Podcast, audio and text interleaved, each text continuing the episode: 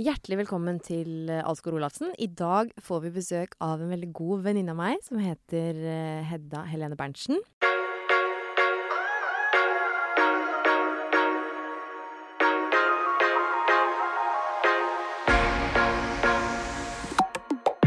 Altså, hun var mitt forbilde. Selv om jeg ikke kjente henne, så hun var bare så rå til å hive seg i ting. Altså fryktesløs, tankeløs. Bare, det virka som hun bare fikk en idé, slapp alt hun hadde og la sjela i det. Og Ja. fikk til, liksom. Og så var det neste år var det noe nytt. Ja, og hun er, hun er kanskje den mest lekne personen jeg kjenner. Ja, det vil jeg tro. eh, Og veldig sånn genuint opptatt av uh, lek og uh, idrett. Da. For hun har jo drevet med idrett. Hun har, uh, har VM-bronse i alpint. Hun har OL-sølv i skicross. Og så har hun jo altså Norges, Hun er norgesmester i wakeboard. Altså hun, hun er norgesmester i dødsing. Altså det er alt mulig rart. Hun har jo også Ekebergs ærespris, Ja, som er Dødsing sier jo det meste. Ja, ikke sant. Hedda gjør alt. Hun Ja. er eh, eh, jeg, tror, jeg tror Hedda blir lei seg hvis jeg sier at hun er gæren. Ja. Eh, og det er sånne ting man sier. Jeg kommer ikke til å våkne opp en morgen og tenke at vet du hva, i år skal jeg være med på VM i dødsing. Nei. Det skjer ikke. Nei, det skjer ikke. Men det, Hedda gjør det. Hedda gjør sånne ting. Det er så og det, inspirerende. jeg syns det er utrolig kult. Og hun har en sånn energi. Og etter idrettskarrieren da, så har hun eh, Altså, ja, jeg må bare si det. At hun har fått Ekebergs ærespris, som jo er en ekstremt hengtøyende eh, pris i Idretts-Norge. Ja. Som tildeles Ja, den har kanskje blitt litt Den har tatt ut. seg voldsomt, men, eh, Men om det er noen den som fortjener den, så er det i hvert fall Hedda. Ja, Eh, som eh, deles ut Det- til noen som har hevdet seg i to forskjellige idretter. Eh, og etter at hun la opp, så har hun jo fortsatt å dykke ned i liksom, lek og motivasjon. Liksom, hva er det som driver en? Eh, hun, er, eh, hun er blitt doktor i eh, altså, I lek. I, ja, i lek, egentlig. Ja. Doktor Lek, Doktor Play. Ja, det er det hun kaller seg selv, Ja. eh, tror jeg. Så Ja. eh, Nå snakker vi ikke om magasinet Lek. er det et magasin? Ja. Det får vi ta en annen gang. Ja. Det er en annen podkast. Det, det, det er G-punktet. er det grisemagasin?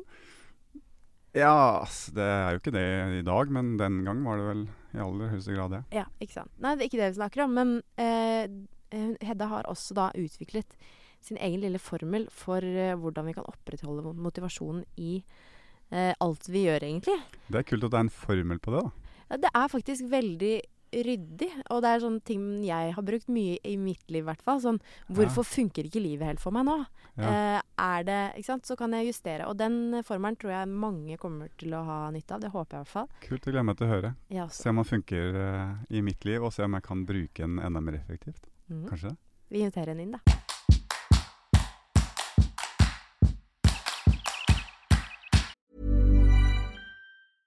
I'm Sandra, and I'm just the professional your small business was looking for. But you didn't hire me because you didn't use LinkedIn jobs. LinkedIn has professionals you can't find anywhere else, including those who aren't actively looking for a new job but might be open to the perfect role, like me. In a given month, over 70% of LinkedIn users don't visit other leading job sites. So if you're not looking on LinkedIn, you'll miss out on great candidates like Sandra. Start hiring professionals like a professional. Post your free job on linkedin.com/people today. Hedda, Yes. velkommen. Tusen takk, Olavsen! Og da. I dag så har vi jo eh, invitert deg. Det er veldig mye å snakke med deg om. Men jeg har lyst til å snakke litt om motivasjon. Uh, jeg elsker motivasjon. Ja, og det er jo både fordi at eh, du har gjort så mye vilt i ditt liv, men også fordi eh, at du er jo blitt doktor og kan dette. Du, har liksom, du sitter på svarene. Ja, eller jeg har i hvert fall forholdsvis oversikt over feltet, heldigvis, tenker jeg, da. Så, Men det er et veldig stort felt. Men altså, motivasjon, kortversjonen, hvis vi skal forklare veldig kort hva man kanskje tenker nå at det er, så er det da den prosessen som setter handlinger i gang, og som opprettholder målrettet atferd. Så det som vi skal holde litt klart i hodet vårt, er da at vi har det retningsaspektet. Så har vi energiaspektet. Retningsaspektet, det kan sant, Det å sette mål, det kjenner veldig mange til. Så glemmer de litt det energiaspektet. Hvordan skal vi aktivere oss selv og sette i gang? Og gå ut og løpe den trappløpen eller ufse, elghufsen, eller hoppe, løpe opp Holmenkollen, eh, trappene der og altså, Så det syns jeg er interessant. Men er det, noe, er det forskjell på inspirasjon og motivasjon? Inspirasjon er vel kanskje den der gnisten eller følelsen av at noen, man, har, man har lyst til noe. Ja. Man kanskje har lyst til at man blir inspirert, sånn som vi snakket, nå snakket dere om bordtennis, eller vi snakket om døds, eller man snakker om disse. Da kan jeg føle litt inspirasjon på bare Å, det hadde vært litt kult å stukket til Kommer- Jeg drev og lærte Helene Prøvde å lære henne Molberg, husker du? Ja, ja. Du har jo lært meg hele stuperepertoaret mitt, ja. selvfølgelig. Og det har jeg sånn tvangstanke på, at jeg må gjennomføre hvert Å, år. jeg Ja, for hvis ikke så jeg mister man det. Ja, ja, ja, altså En gang i året så må jeg gjennom alt, liksom. Ja, man må ta Ja. repertoaret. Når Tøyenbadet er ferdig, så skal vi dit, Helene. Ja, det er greit. Du skal vise meg. Ja, ja, ja, ja. Jeg kan lære det òg. Gjerne. Jeg tenker jo veldig mye på Jeg er veldig opptatt av dette her med den, det energiaspektet. Altså hvor Det føler jeg er en av de tingene som har gjort at jeg har lykkes med å drive med så mange idretter. Og jeg, jeg kan manipulere meg selv til å ville hva som helst. Ja. Altså sånn uh, alpint, da. Hvis jeg er keen på å bli god i alpint, uh, nå kjører jeg mye master fordi jeg syns det er gøy. Og da bare går jeg inn på Instagram, lager jeg en Instagram-profil bare med alpinister. Og bare lagrer jeg alle kule videoer på bra teknikk osv. Ja. For å bli gira. Og det brukte jeg jo når jeg var idrettsutøver også, når jeg var på college, så satt jeg inn på me, me, me, ja, mediebiblioteket. så på Teamsvis med film. Ja. Teknikk. Studerte. Helt inn i bobla. Helt inn i Og dette bobla. er jo helt i tråd Alle trodde jeg var studerte ute på biblioteket. Jeg studerte teknikk. ja.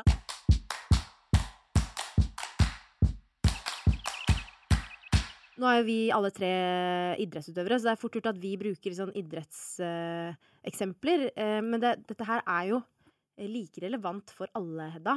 Ja, absolutt. Og jeg er veldig opptatt av pedagogisk ledelse. Nå jobber jeg jo med lærerstudenter, og det er jo det samme ikke sant, når det kommer til læreren. Å klare å legge til rette for at elevene opplever at dette er noe dette er viktig for meg, at man forklarer betydningen av det, at man gir valgmuligheter, at man lar de gjøre ting de syns er interessant, osv. Og, og hvis du, er, hvis du også er øh, for eksempel i arbeidslivet, og du har en leder, og de ikke lytter til og anerkjenner dine perspektiver og vet hva som er målene dine, og på en måte bare overkjører, så er det klart at du vil jo få veldig mye ytre motivasjon etter hvert bare gjøre, jobben fordi du føler du må. Mm. Eh, Det er klart at da innsatsen din, engasjementet og på en måte eh, kvaliteten på det du gjør, vil jo også synke. Så dette er viktig kunnskap også for selvfølgelig alle som, som er ledere ute i arbeidslivet. Jeg sitter jo nå og tenker på at fattern har jo tydeligvis skjønt et eller annet med indre-ytre selvbestemte teorier. For han, vi pleide å sykle mye i skauen da jeg var liten.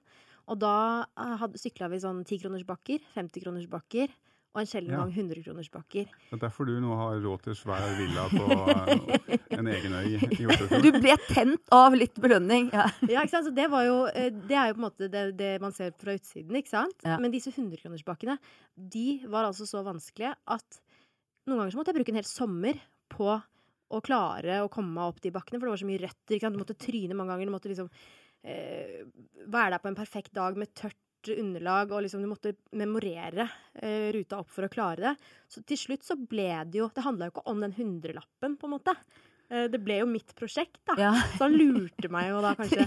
Til å synes at den var verdt mye. Å klare den bakken, det var verdt mye. Ja, for da syns jeg det var kjempegøy, og Ja. det er jo også en viktig ting å snakke om, føler jeg. Fordi vi sier jo ofte det, Thomas, eh, at eh, vi syns ting er så gøy. Og det syns jeg ofte er vanskelig å forklare til folk, fordi gøy og lek og sånn er sånn ord som ikke så mange bruker om liksom jobbhverdagen sin, eller Nei, for hva, Det som er gøy for deg, er ikke nødvendigvis gøy for meg. Eller jeg kan ha helt andre preferanser på hva jeg syns er gøy. Ja. Ja. Og fattern, tilbake til han også. Eh, vi løp jo masse intervaller, men han kalte det fartslek, og bare det gjorde jo at jeg Det syntes var det var gøy, gøy. Ja. ja. Eh, Ja. Hvor kommer gøy inn i motivasjons... Eh, Ja, så gøy. Eh, Det Thomas sa. Akkurat det at man kan ha ulike mål på, eller det legger, legger u, ulikt innhold i gøy. Men det som jeg tenker som er gøy, er jo det man opplever som eh, gledelig. Altså enjoyment på engelsk. Jeg har ikke noe sånn veldig bra ord på norsk som dekker like bra. Så jeg liker å bruke gøy, og også fordi det brukes mye i idretten. Så, men, men vi skal snakke litt om hvordan måte det kan jo oppleves ulikt det kan jo være det med interesse, sånn som Helene sa, utfordringer. At du trigges av utfordringer. Eller det kan være bare følelsen gjennom kroppen da, av å på en måte hoppe og være i balanse i luften. Eller for deg å klatre og finne flyten, eller klare vanskelige ruter. Eh, så det kan jo være så veldig mye. Men poenget er bare eh, at betydningen av den opplevelsen som vi kaller gøy, som jeg også liker å kalle på en måte da enjoyment eller glede, eh, den kan veie opp mot ubehaget i idrettsaktiviteter og påvirke treningsvilligheten. Og jeg har laget en formel. Jeg ble veldig inspirert av Arne Næss sin trivselsformel. Men han har også bare brukt en matematisk formel som viser hvordan da x er lik a i annen delt på b pluss c. Så det er bare det at den faktoren, variabelen a i annen, den, det vil si at den variabelen den teller veldig mye mer enn de to andre. Ja. Så, så gøy-variabelen Ok, så- da må vi starte Nå, jeg, da, da falt i hvert fall jeg av. Da tenker jeg, da er det et par andre som har falt av. Ja. Den er i hvert fall inspirert. Arne Næss, eh, filosof, klatrer. Ja. Eh, men du har laget en, en formel som Ja. heter trenings... Altså, jeg kaller den gøy i annen-formelen. Ja. Men det er da for å finne ut hvordan du kan opprettholde treningsvilligheten din. Og dette gjelder jo alle, ikke bare nødvendigvis toppidrettsutøvere. Kanskje enda mer for mosjon- mosjonister. Mm. Altså, alle kjenner til det, at man er veldig motivert i, i perioder. Man setter i gang, man lager seg kanskje et treningsplan, man lager seg et mål. Man har lyst til å gå tur så og så mye. Man skal, eh, noen er jo sånn at de vil kanskje et bli sunnere, he, sunnere livsstil, ha bedre helse, eller at de vil gå ned i vekt, eller at de vil være trener for å kunne leke med barna, eller om, de ønsker på en måte å se bra ut. Altså, det er veldig mange ulike grunner. Eller da klare masse tu kule ferdigheter, lære ferdigheter. Vi er jo veldig der. mm. Ja. Men det kan også være selvfølgelig et prosjekt på jobben. Det kan være ikke sant, eh, du skal bygge noe hjemme, eller hva som helst. da. Jeg Ja. tenker vel heller det, fordi at eh, jeg har jobba med forferdelig mange toppidrettsutøvere, og det har vel aldri handla om å pushe de og skape motivasjon. Det er jo hele tiden å, be å begrense de, eller bremse de, og styre Ja. de inn til rett mengde eller rett Ja, ja, det er ofte å overdrive. Ja, ikke sant? Ja. Så vi, vi har jo knokket den koden, ikke sant? men det er ikke, er ikke alle andre som nødvendigvis har det. Eh, og det er jo på en måte litt egentlig indre motivasjon, gnist, gøy, glede. Det som gir deg liksom at det gjør at den har egenverdi, den aktiviteten du driver med. Og da har jo den variabelen Den er jo underkjent. Man snakker jo alltid om ytre motivasjon, og vi skal trene for å klare det. Så glemmer man det at den beste motivasjonsfaktoren for å opprettholde da treningsvilligheten til å trene hardt, det er jo faktisk det som gir deg glede. Så du må, så du må, knekke, du må knekke den koden og finne ut hva er det du egentlig som gir deg glede. Så må du putte inn litt gøy. Helene, du har akkurat skrevet en bok nå. Ja. Og den boken, det er jo egentlig akkurat det den er. Én om dagen. Altså, du har masse morsomme øvelser som, uh, som du da oppfordrer folk til å gjøre, og variasjon, og de finner ting de liker. ikke sant? Ja. Så hvis dere finner en aktivitet dere er glad i, bruk det for det det er verdt. Stikk ut og ikke tenk nødvendigvis på at nå skal jeg gå hver dag 30 minutter. Finn ut hva du liker å gjøre. Liker du å gå randonee? Liker du å sykle? Liker du å svømme? Liker du å gå fjellturer? Liker du å eh, hoppe trampoline? Liker du å danse? Liker du, ikke sant? Det er jo så mange Ja. ting man kan drive med. Mm. Så finn noe du liker.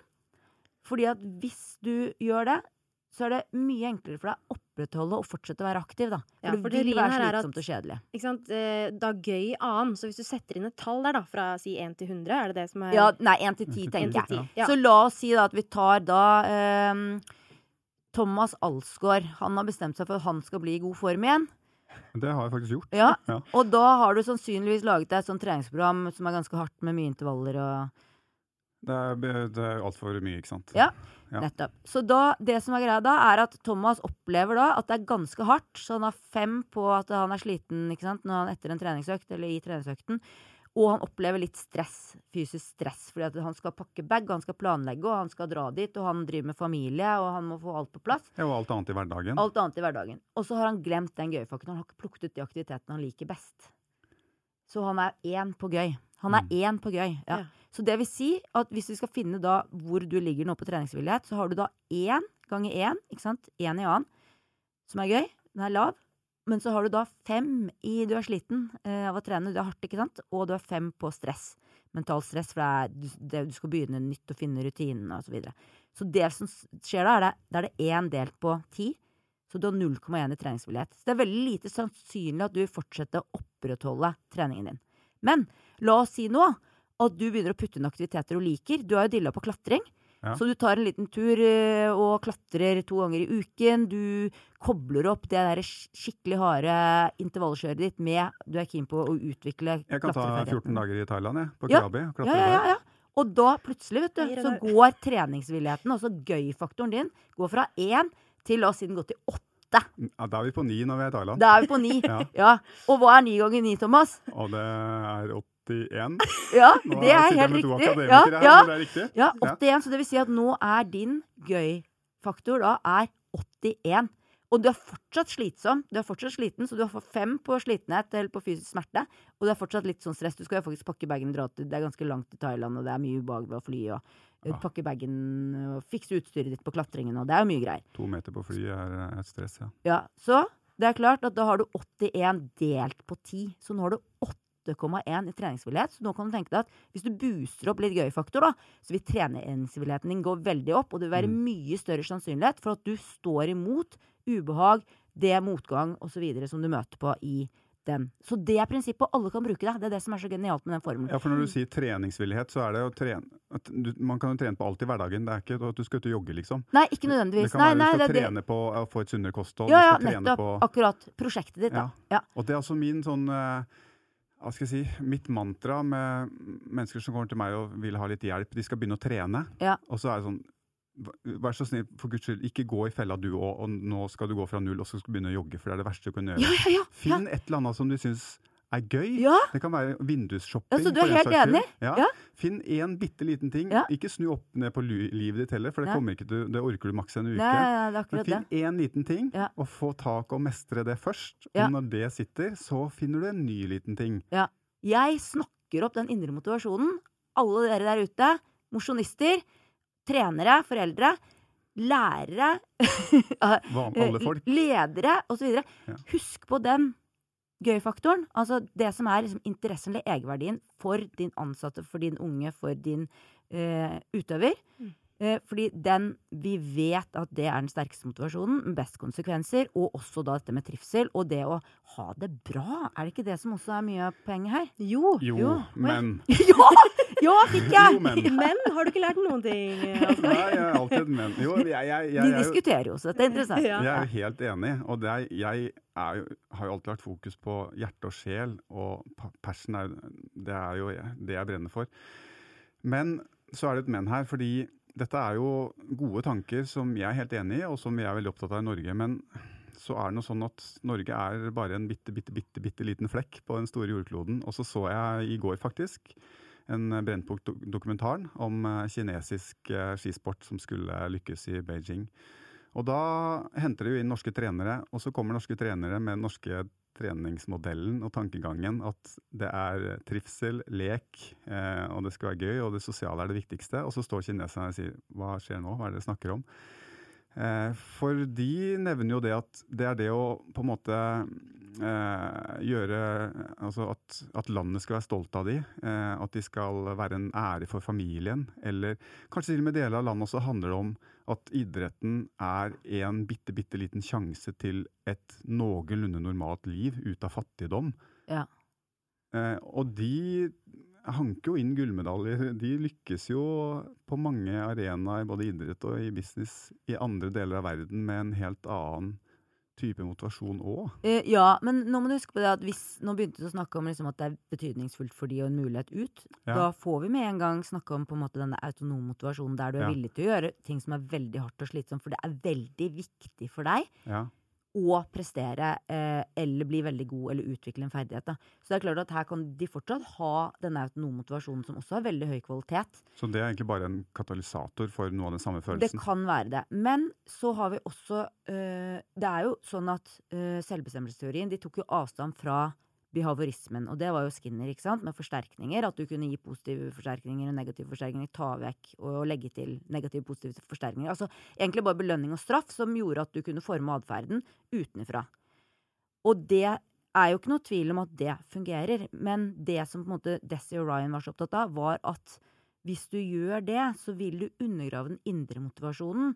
Og hva med da på en måte kreativiteten og interessen og disse indre tendensene man har som menneske? Så, så det er ikke noe sånn at det de er uenige om, er konsekvensen av det. Man vet at det fungerer. Du kan jo bli kjempegod selvfølgelig hvis noen står og pusher deg, men den idrettsutøveren har det nok ikke så veldig bra. De er nok ganske stresset og ja. ja. Så, så jeg tror på en måte at man er ikke uenig der, man er bare uenig i kanskje det menneskeaspektet, da. Så frykt kan, eh, frykt kan fungere fordi det på en måte setter deg i gang med noe, men etter hvert så vil kanskje en indre glede overta likevel. Ja, altså, I hvert fall hvis du skal lykkes, så må den komme. Ellers så vil ikke frykt alene være nok. Jo, men du har det jo ikke bra.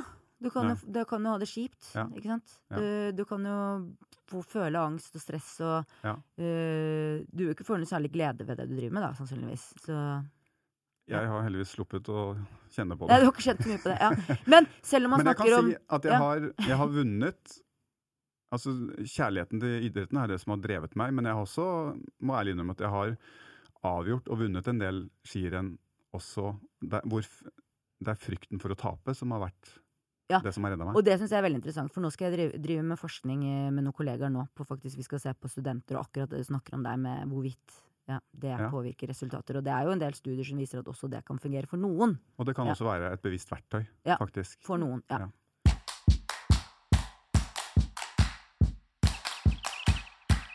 Hva er det som har motivert deg opp igjennom, sånn rent konkret? Jeg husker at da, da vi bodde sammen, så lagde vi lister på alt mulig rart, blant annet ting som motiverte oss. ja.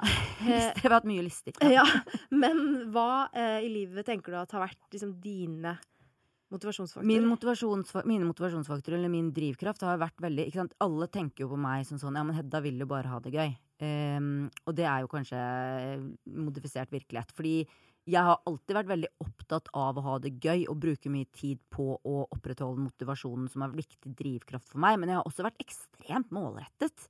Altså Du skal se de Trenestad-bøkene. Altså, det er sånn pedagogiske modeller fra en annen verden. Jeg begynte å lese masse teori på ferdighetsutvikling allerede når jeg gikk på skigymnaset.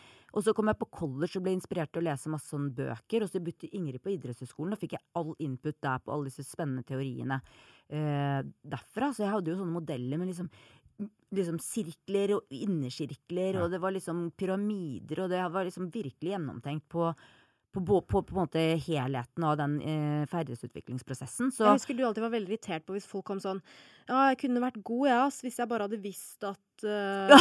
det var bedre å løpe 4-4 enn ja, ja, ja, ja, jeg ble alltid litt irritert på det. Ja. Så, fordi det, det er jo noe på en måte å ta eierskap og på en måte Det er jo noe av det som jeg syns har vært det morsomste, og du òg, tror jeg, Helene. Å finne ut ok, hva skal til for at jeg skal klare det trikset. Jeg husker når du skulle bytte over til big jump eller istedenfor slopestyle osv. istedenfor å bare kjøre bordercross. Og da gjorde jo du det målrettet, og du var og trente inn de triksene, trampolinen, og du drev på, ikke sant, og gjorde det mm, liksom strukturert, da. Mm. Så jeg tror på en måte at det er blitt veldig misforstått der ved at alle har tenkt på Hedda som hun som bare vil leke. Men altså, jeg, jeg begynte jo med alpint som 17-åring og tok medalje syv år senere. Så det er klart at det er ikke sånn at jeg bare har lekt meg god. Men det var viktig for meg for å ha drivkraften til å gjøre det som var kjedelig og hardt. Mm. Så hele karrieren så har det vært da det som har drevet meg mest, har vært å klare å mestre.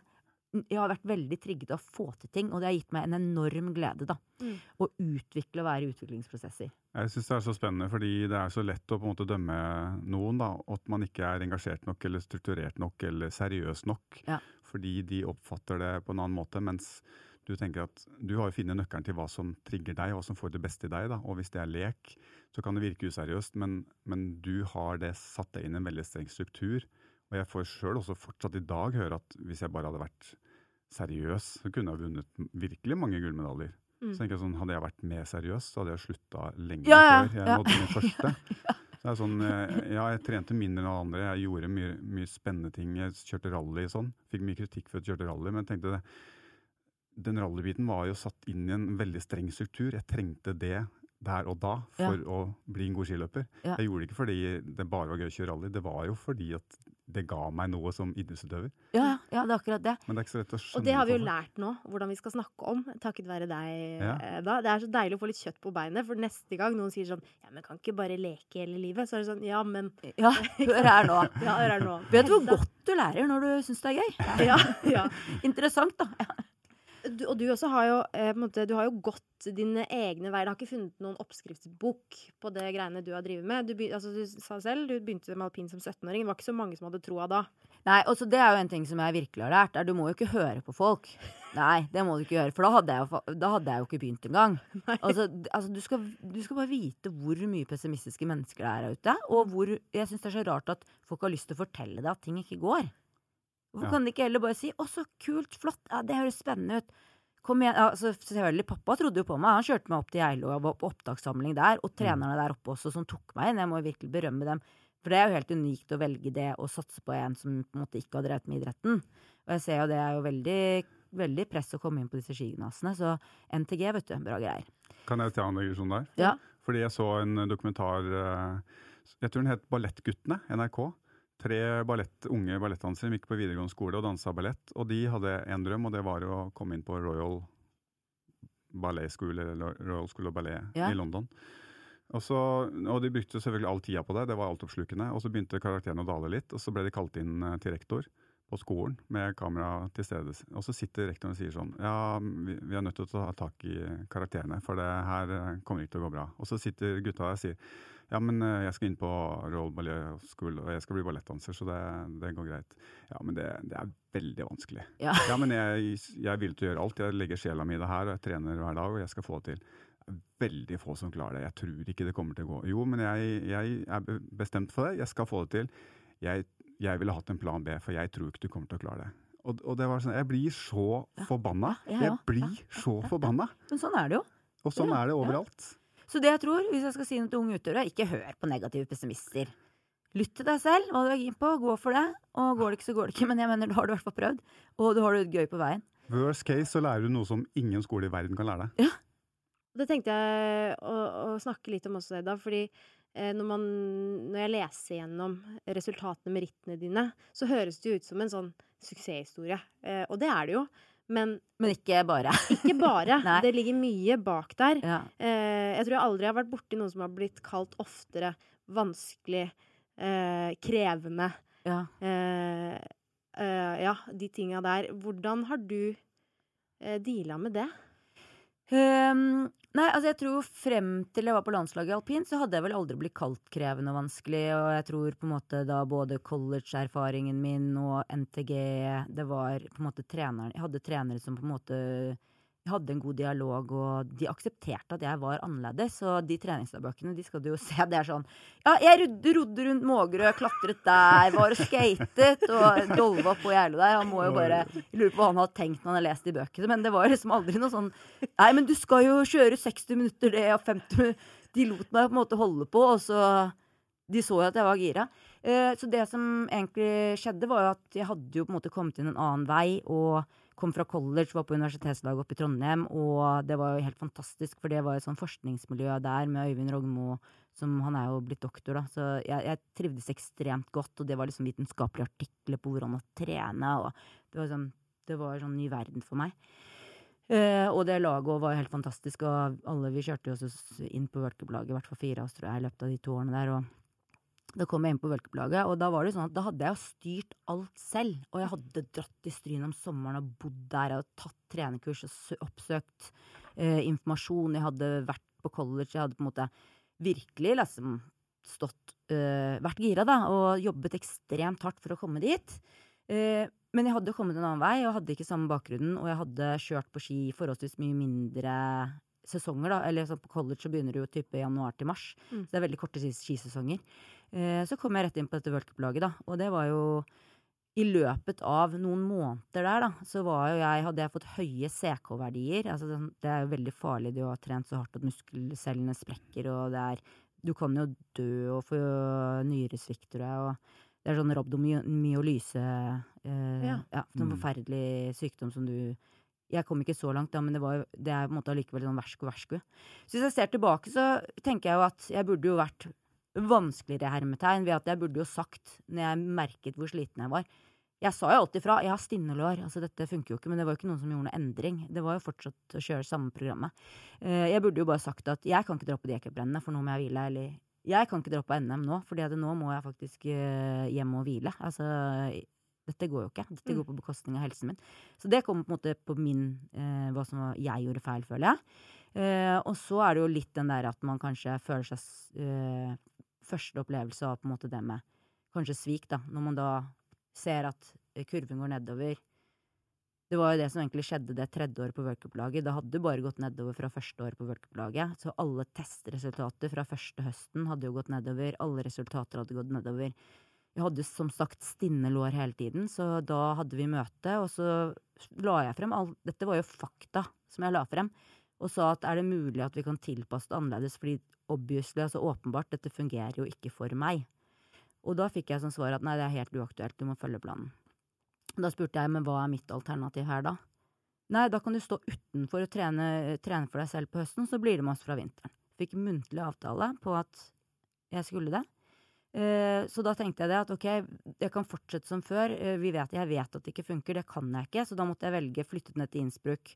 Trente masse på Hintertux. Trente med litt skigymnas og hadde en avtale. Fikk trene litt med Kostlich og litt forskjellig der nede. Eh, så kom vi da på høsten, og så møtte jeg laget i oktober. Og så tok treneren med meg bak Mediamarkt, og så sier han bare at nei, den avtalen er off. Det tror jeg er liksom første for meg, liksom det der sviket på bare altså, Så naiv jeg var som ikke fikk det skriftlig. Og så var det jo alt som skjedde etterpå, men det var jo media og bli da ble du tatt av laget. Ja, så da ble jeg tatt av laget.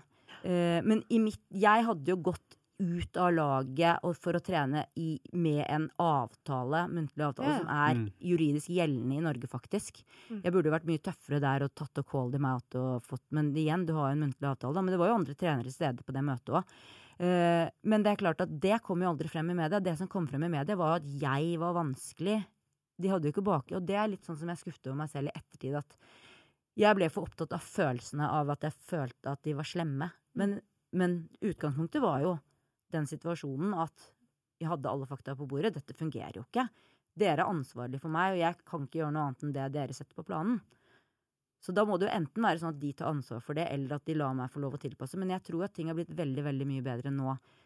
For så gikk det jo bra når jeg kom på skiklandslaget og hadde en dialog med Finn Aamodt og Ja, for det er jo veldig interessant. Hvordan snudde du da den følelsen av svik og, eh, og liksom tapet av liksom alt det du hadde jobbet mot? Ja, det var ekstremt vanskelig. Og jeg, for å si det sånn, jeg syns jo fortsatt alpint er helt fantastisk gøy, og kjører jo master nå for gøy. Kjører litt fiss òg, da, for gøy. jeg får ikke trent så mye som jeg vil, men Master det er sånn fint ord på old girls. Ja, ja, det er old girls og old boys og old girls. Det, det, vi har det kjempegøy. Jeg kjører inn i Snøhallen hele høsten, og så trener vi i Hemsedal nå et par ganger i uken og sånn. Så det er veldig gøy. Ja, nei, men det er jo et sånn e e evig på en måte Det er jo et Hva skal jeg si? Det er jo smerte for meg fortsatt. Ja. For det var jo liksom lidenskap og det å på en måte gå all in og faktisk lykkes og komme opp og komme på det landslaget og ha den muligheten. Få og få den i medaljen. VM. Ja, ja. Og så på en måte da at jeg da ikke er kanskje erfaring nok til å si nei, nå må jeg ha en pause. Jeg sa jo fra, men det var ikke noen som lyttet. Jeg er stivne lår. Altså, ja. Men ja, ja. hvordan, ja, høye CK-verdier. Ja, men da tar du fri et par uker, så fortsetter du med samme. Altså, det var litt sånn ja. Ja. Men hvordan klarte du da liksom hvordan, hvordan snudde du det? Selv om du sier at det fortsatt er en sorg, så, så gikk du jo da inn over i skicross. Ja. Nei, men altså Det som var greia, var at jeg elsket jo alle mulige andre idretter. Så det var ikke noe sånn at jeg ikke syntes det var gøy. Og så var det på en måte det at jeg kunne gå inn i det på en litt annen måte ved at jeg kjente jo systemet, og jeg visste jo hva som hadde gått gærent sist. Og jeg tror jo alle der oppe, de ville jo ikke at det skulle gå dårlig med meg. Mm. Og jeg tror det var sånn frustrasjon for de òg, at det, at det, det skar seg med den utviklingen av Hedda Berntsen, liksom. Fordi var, de syntes jo jeg var talent. Jeg hadde jo vist at jeg var talent, så det var ikke det. Men jeg snakket jo som sagt med Finn om at da når vi skulle satse mot OL i 2010, og hadde en avtale med han om at jeg skulle få lov å, å på en måte ha eh, autonom prosess, da. Og det var liksom det beste jeg har opplevd noen gang, var jo den der i forkant av OL i 2010, når jeg satte meg ned da med Finn og hele teamet på Olympiatoppen. Og bare OK, Hedda, hva kan vi gjøre nå for å få deg klar til OL i 2010? Og det var sånn, det er liksom drømmescenario, da.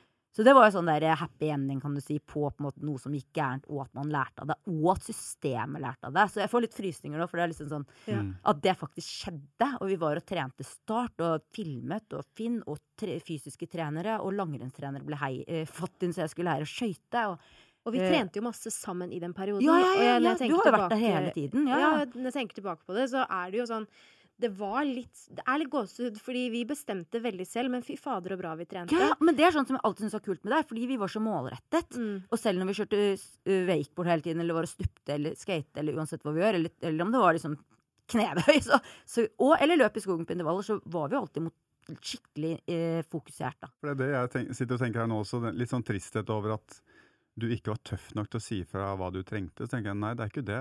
det du kommer som et ungt talent med en drøm. Det er jo en, det er jo en trener leder som skal sette seg ned med deg og spørre hva er det du trenger.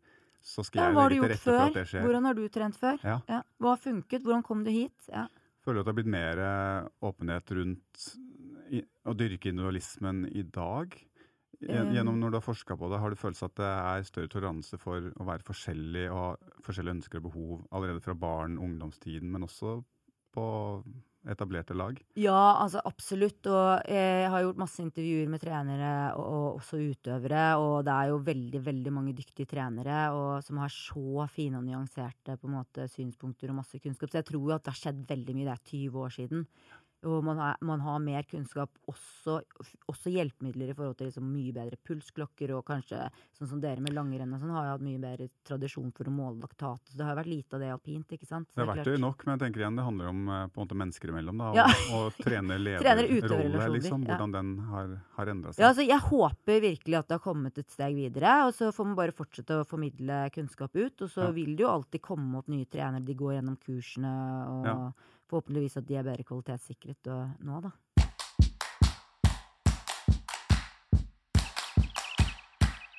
En ting jeg har tenkt mye på, Edda. Hvorfor er det sånn at eh, det er eh, så fors forskjell på ulike typer gleder? Altså hvorfor eh, oppleves liksom gleden av å lande et nytt triks, for eksempel, eller få til noe på jobben som man har træla med lenge? Hvorfor, hvorfor blir jeg så mye mer glad av det enn for eksempel å se en gøy video på TikTok, eller en eller annen positiv kommentar eh, 'Så fin du var i dag'. Altså, skjønner du? Det, jeg blir jo glad av det også. Men det føles allikevel så mye mer sånn flyktig eh, og borte. Ja. Eh, Nei, altså Det er jo kjempeinteressant det spørsmålet du spør der. Og det er selvfølgelig nå i dagens uh, Norge når eh, alle starter dagen med å scrolle og få se litt på fått noen likes siden sist, eller sjekke nyhetene, sjekke Facebook, sjekke Det er jo det siste vi gjør når vi legger oss. Ja, Vi, vi ja. gjør når vi står Og det er på en måte, Man snakker veldig mye om alle barna som på en måte spiller TV-spill, og ungdom også, for den slags skyld, og noen voksne. Uh, og det er underholdning, og det er man binsjer på Netflix-serier. Og man gjør jo det for det føles digg, ikke sant? Men man føler seg sånn som du sier, kanskje litt tom i etterkant. Og da er det eh, selvfølgelig veldig mange forskjellige forklaringsmodeller man kan bruke. Men én som jeg syns er veldig interessant, eh, som Solomon-gruppen eh, utviklet allerede på 1980-tallet. Eh, der de så på på en måte at det er en sånn motsatt prosess som settes i gang.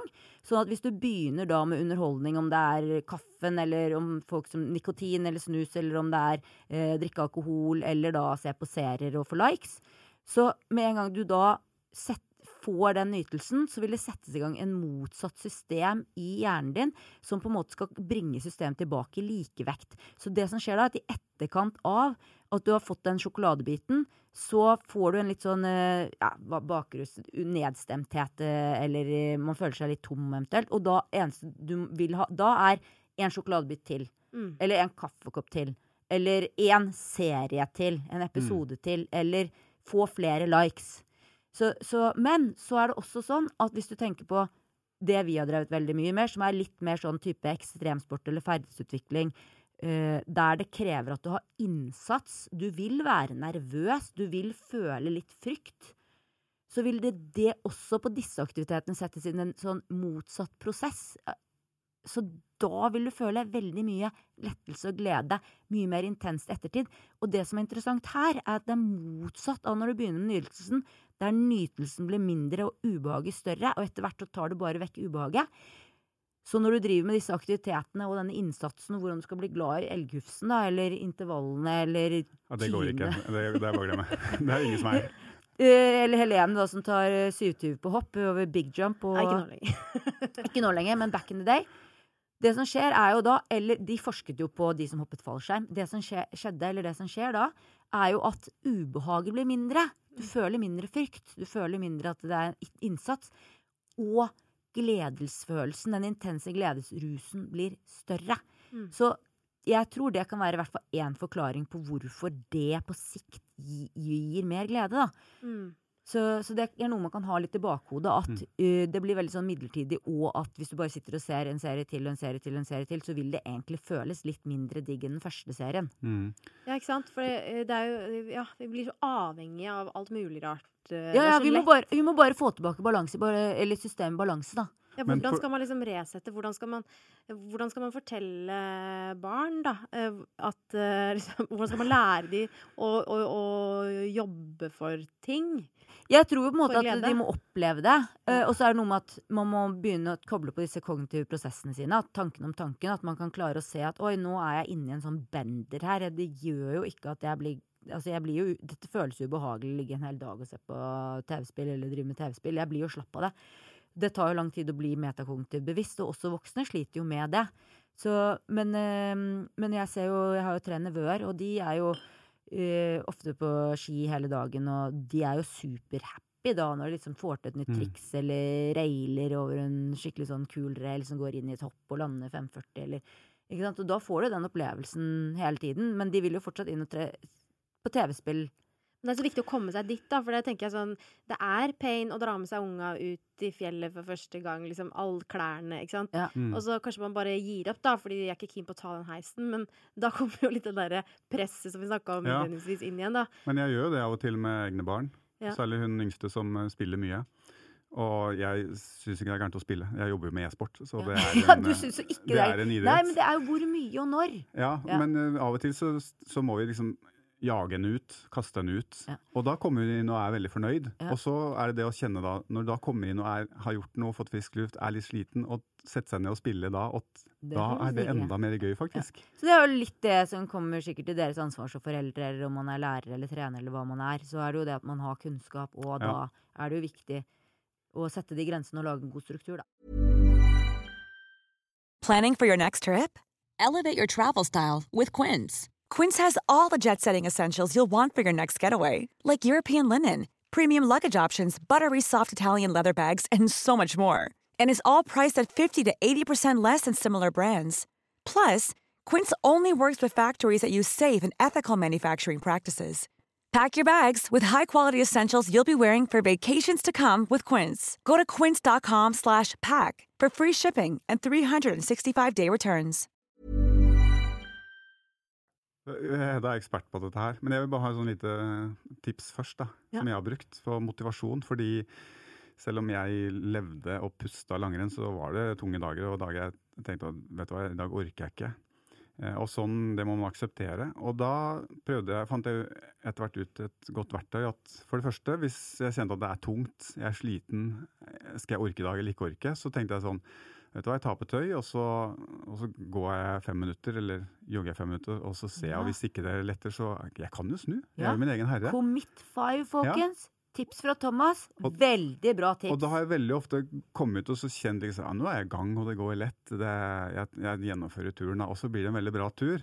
Men så har jeg noen ganger også våkna og kjent at vet du hva, ikke snakk om. Det er, det er helt, føler meg helt svart. Ingen motivasjon. Det var helt på null.